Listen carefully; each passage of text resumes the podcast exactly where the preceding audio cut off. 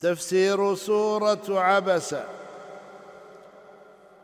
هذه السورة مكية وسميت بأول كلمة فيها ولها سبب نزول لا خلاف فيه بين المفسرين وهو أن عبد الله بن أم مكتوم الأعمى جاء إلى النبي صلى الله عليه وسلم وكان ممن أسلم قديما فجعل يقول يا رسول الله أرشدني.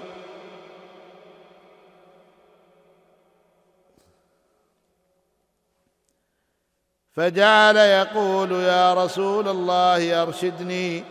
وعند النبي صلى الله عليه وسلم رجل من عظماء المشركين يدعوه إلى الإسلام.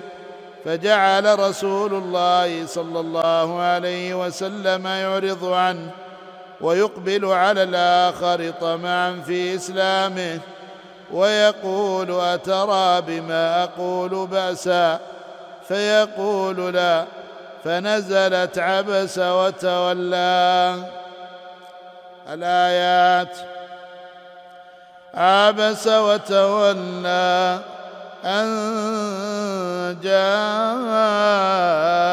الأعمى وما يدريك لعله يزكى أو يذكر فتنفعه الذكرى. أما من استغنى فأنت له تصدى. وما عليك ألا يزكى وأما من جاءك يسعى وهو يخشى فأنت عنه تلهى التفسير عبس العبوس تقطيب الوجه وتولى أعرض بوجهه أن جاءه الأعمى أي كان عبوسه وإعراضه لأجل أن جاءه الأعمى وقطع عليه ما هو آخذ به من دعوة أكابر قريش فالجملة في موضع المفعول لأجله وفي ذكر ابن أم مكتوم بوصف الأعمى دلالة على أنه من ضعفة المؤمنين. وعرفه بأن لتعيينه وفي قوله عبس وتولى عتاب من الله لنبيه. جاء بصيغة الخبر بلفظ الغيبة إكراما للنبي صلى الله عليه وسلم. وما يدريك أي وما يعلمك بحال هذا الاعمى لعله يزكى.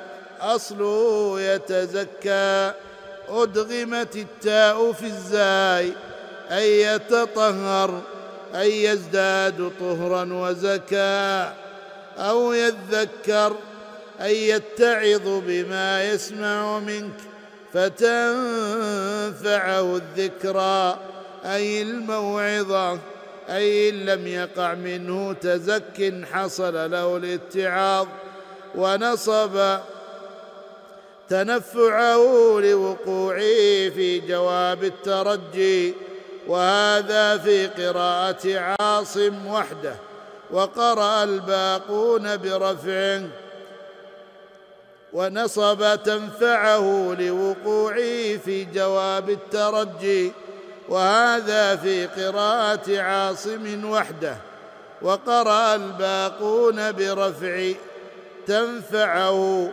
عطفا على أو يذكر. وفي قوله وما يدريك التفات من الغيبة إلى الخطاب.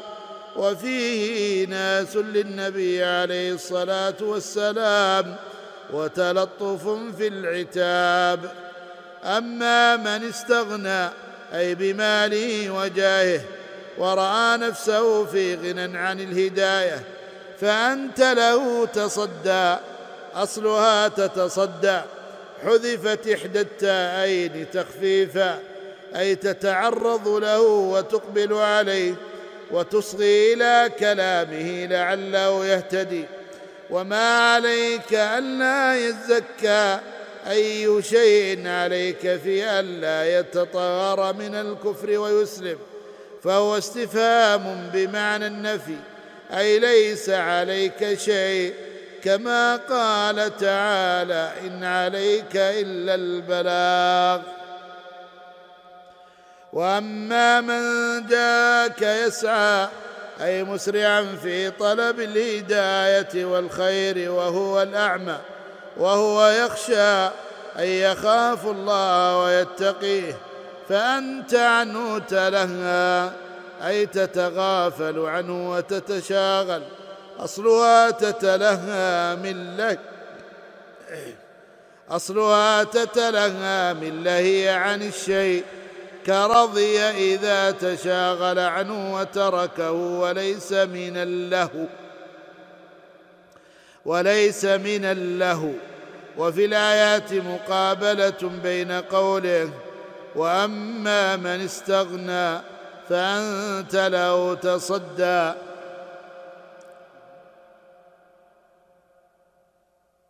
وفي الآية؟ وفي الآيات مقابلة بين قوله أما من استغنى فأنت له تصدى. وقوله واما من جاءك يسعى. وهو يخشى فأنت عنه تلهى. وفي هذا تأكيد للعتاب ببيان أن الثاني أولى بالتصدي له والإقبال عليه. الفوائد والأحكام اولا عتاب الله لنبيه عليه الصلاة والسلام على معاملته للأعمى. ثانيا أن الذي قوبل به الاعمى عبوس وإعراض. ثالثا أن وقوع ذلك من النبي صلى الله عليه وسلم خطأ منه وهو إعراضه عن ابن أم مكتوم وهو أعمى ومن ومن المستضعفين. وفي مقابل في وفي مقابل هذا اقباله صلى الله عليه وسلم على بعض الكبراء والأغنياء من الكفار وتصدي لدعوتهم ليهتدوا وأتباعهم. رابعا عتب الله على نبيه صلى الله عليه وسلم لتصديه لمن استغنى عن الكبراء وتلهيه عن الذي جاء إليه راغبا في العلم متحليا بخشية الله. خامسا وصف حال النبي صلى الله عليه وسلم مع الأعمى بضمير الغيبة إكراما له عليه الصلاة والسلام حيث قال عبس وتولى. سادسا فضيلة عبد الله بن أم مكتوم. لنزول الآيات في شأنه ووصفه بالتزكي والتذكر والخشية. سابعا جواز ذكر الإنسان بما فيه من العيب إذا اقتضى المقام ذلك كالتعريف به. ثامنا أن الضعيف والفقير أحرى بالتزكي والتذكر والانتفاع بالذكرى تاسعا أن ما جاء به الرسول صلى الله عليه وسلم. أن ما جاء به الرسول صلى الله عليه وسلم من الهدى ودين الحق في تزكية النفوس وتذكير بما ينفع. عاشرا أن التذكر سبب للانتفاع بالذكرى. قال تعالى فإن الذكرى تنفع المؤمنين. الحادي عشر أن المناط في الفضل عند الله خشية الله كما قال تعالى إن أكرمكم عند الله أتقاكم. الثاني عشر إبطال معيار التفاضل في عرف الناس بالغنى. الثالث عشر أن الغنى في الغالب عائق من عوائق الاستجابة لدعوة الرسل صلوات الله وسلامه عليه. الرابع عشر حرص النبي صلى الله عليه وسلم على هداية الخلق. الخامس عشر اجتهاده صلى الله عليه وسلم في طريقة الدعوة. السادس عشر أن النبي صلى الله عليه وسلم ليس بمعصوم من الخطأ ولكنه لا يقر على خطأ. السابع عشر أن النبي صلى الله عليه وسلم لا يعلم الغيب. لذلك لا يعلم أحوال المدعوين وما يؤول إليه أمرهم. الثامن عشر أن الرسول صلى الله عليه وسلم ليس عليه شيء من حساب من أعرض عن دعوتي ولم يقبل تزكية نفسه. التاسع عشر أن الضعفاء المؤمنين أحق بالإقبال عليهم من الكفار المستغنين المستكبرين. العشرون أن حسن القصد لا يسوغ العمل. الحادي والعشرون في الآيات شاهد للقاعدة الأصولية. لا يترك أمر معلوم أو هو قريب لأمر محتمل. الثاني والعشرون الرد على من يقول بعصمة الرسول صلى الله عليه وسلم من الصغائر.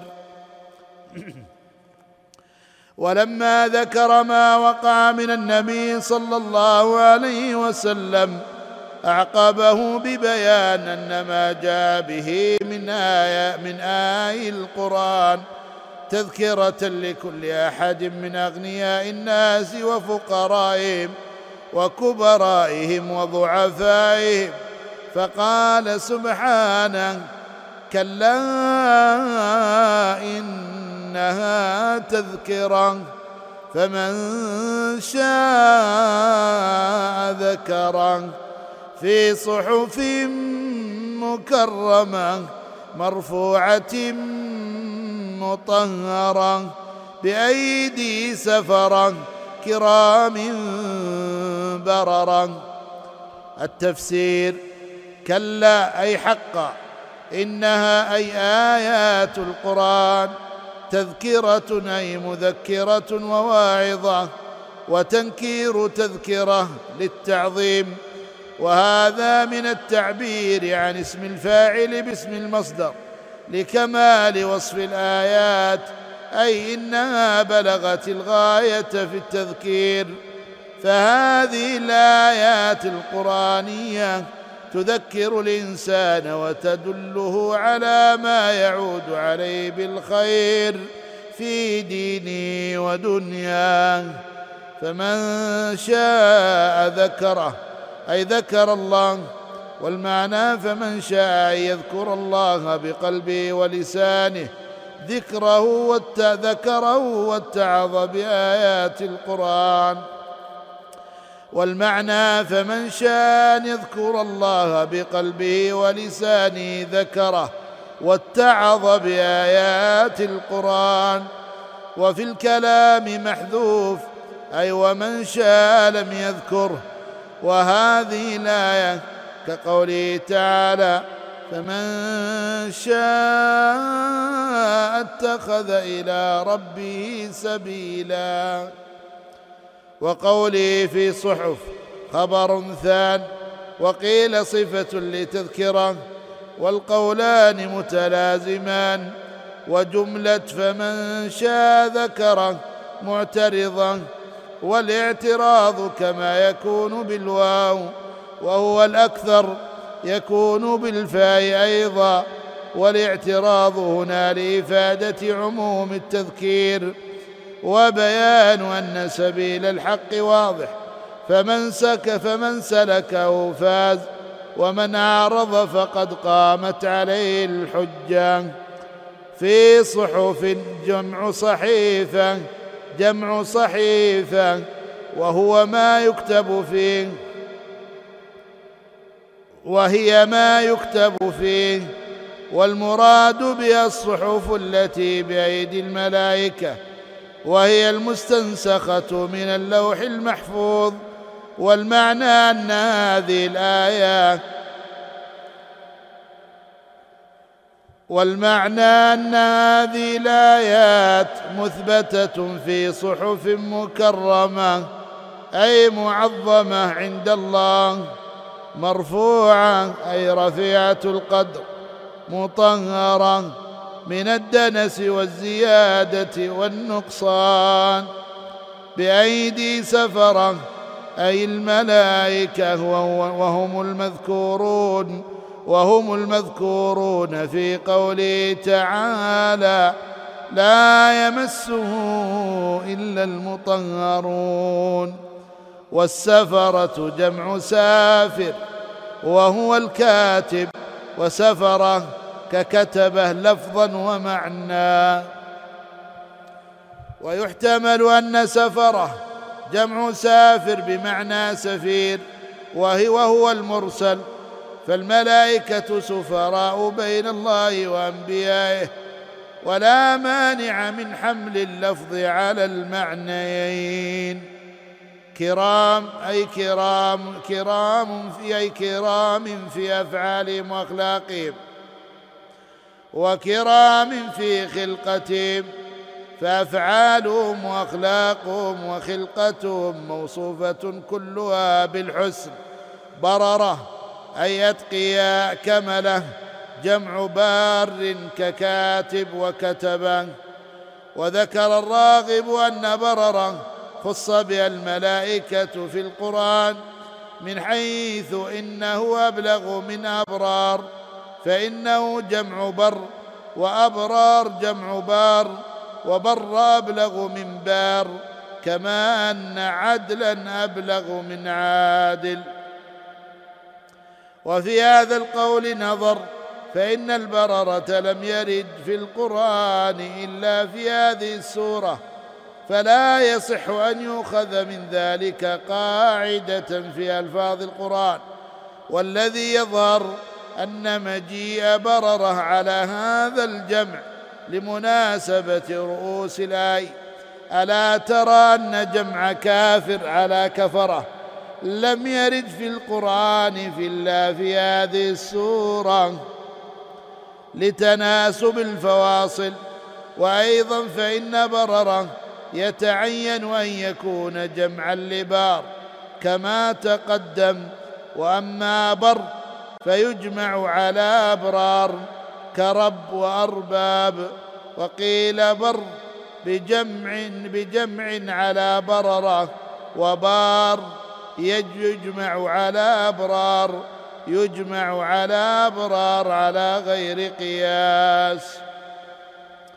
الفوائد والأحكام اولا أن الآيات السابقة فيها تذكره تذكرة بمقاصد الدعوة وسياسة الدعوة ثانيا إثبات مشيئة العبد والرد على الجبرية ثالثا أن الغاية من التذكرة من التذكرة أن الغاية من التذكرة ذكر العبد لربه بمعرفته والإيمان به وطاعته وذكر ما أنزله من الكتاب والحكمة بمعرفته واتباعه. رابعا أن القرآن مكتوب في صحف بأيدي الملائكة. خامسا أن للملائكة أيديا. سادسا عظم شأن القرآن وفضله. سابعا فضل هذه الصحف حيث وصفت بالتكريم والرفعة والتطهير.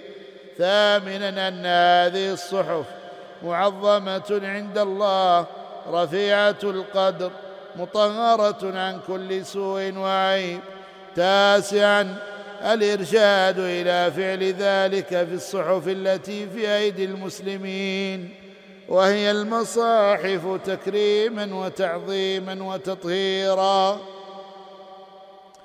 عاشرا فضل الملائكة الذين في أيديهم الصحف التي فيها القرآن. الحادي عشر. ثناء الله على أولئك الملائكة بالصفات الثلاث. السفارة السفارة والكرم والبر. والبر.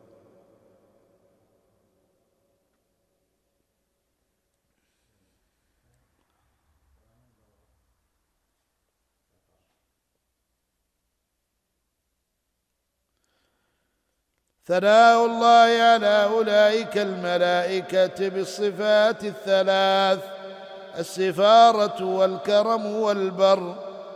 الثاني عشر أن من صفات الملائكة السفارة بين الله ورسله.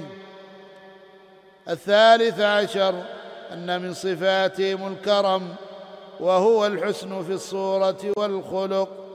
الرابع عشر أن من صفاتهم البر وهو كل عمل صالح عليهم سلام الله ورحمته وبركاته. الخامس عشر ينبغي لحامل القرآن أن يكون في أفعاله وأقواله على السداد.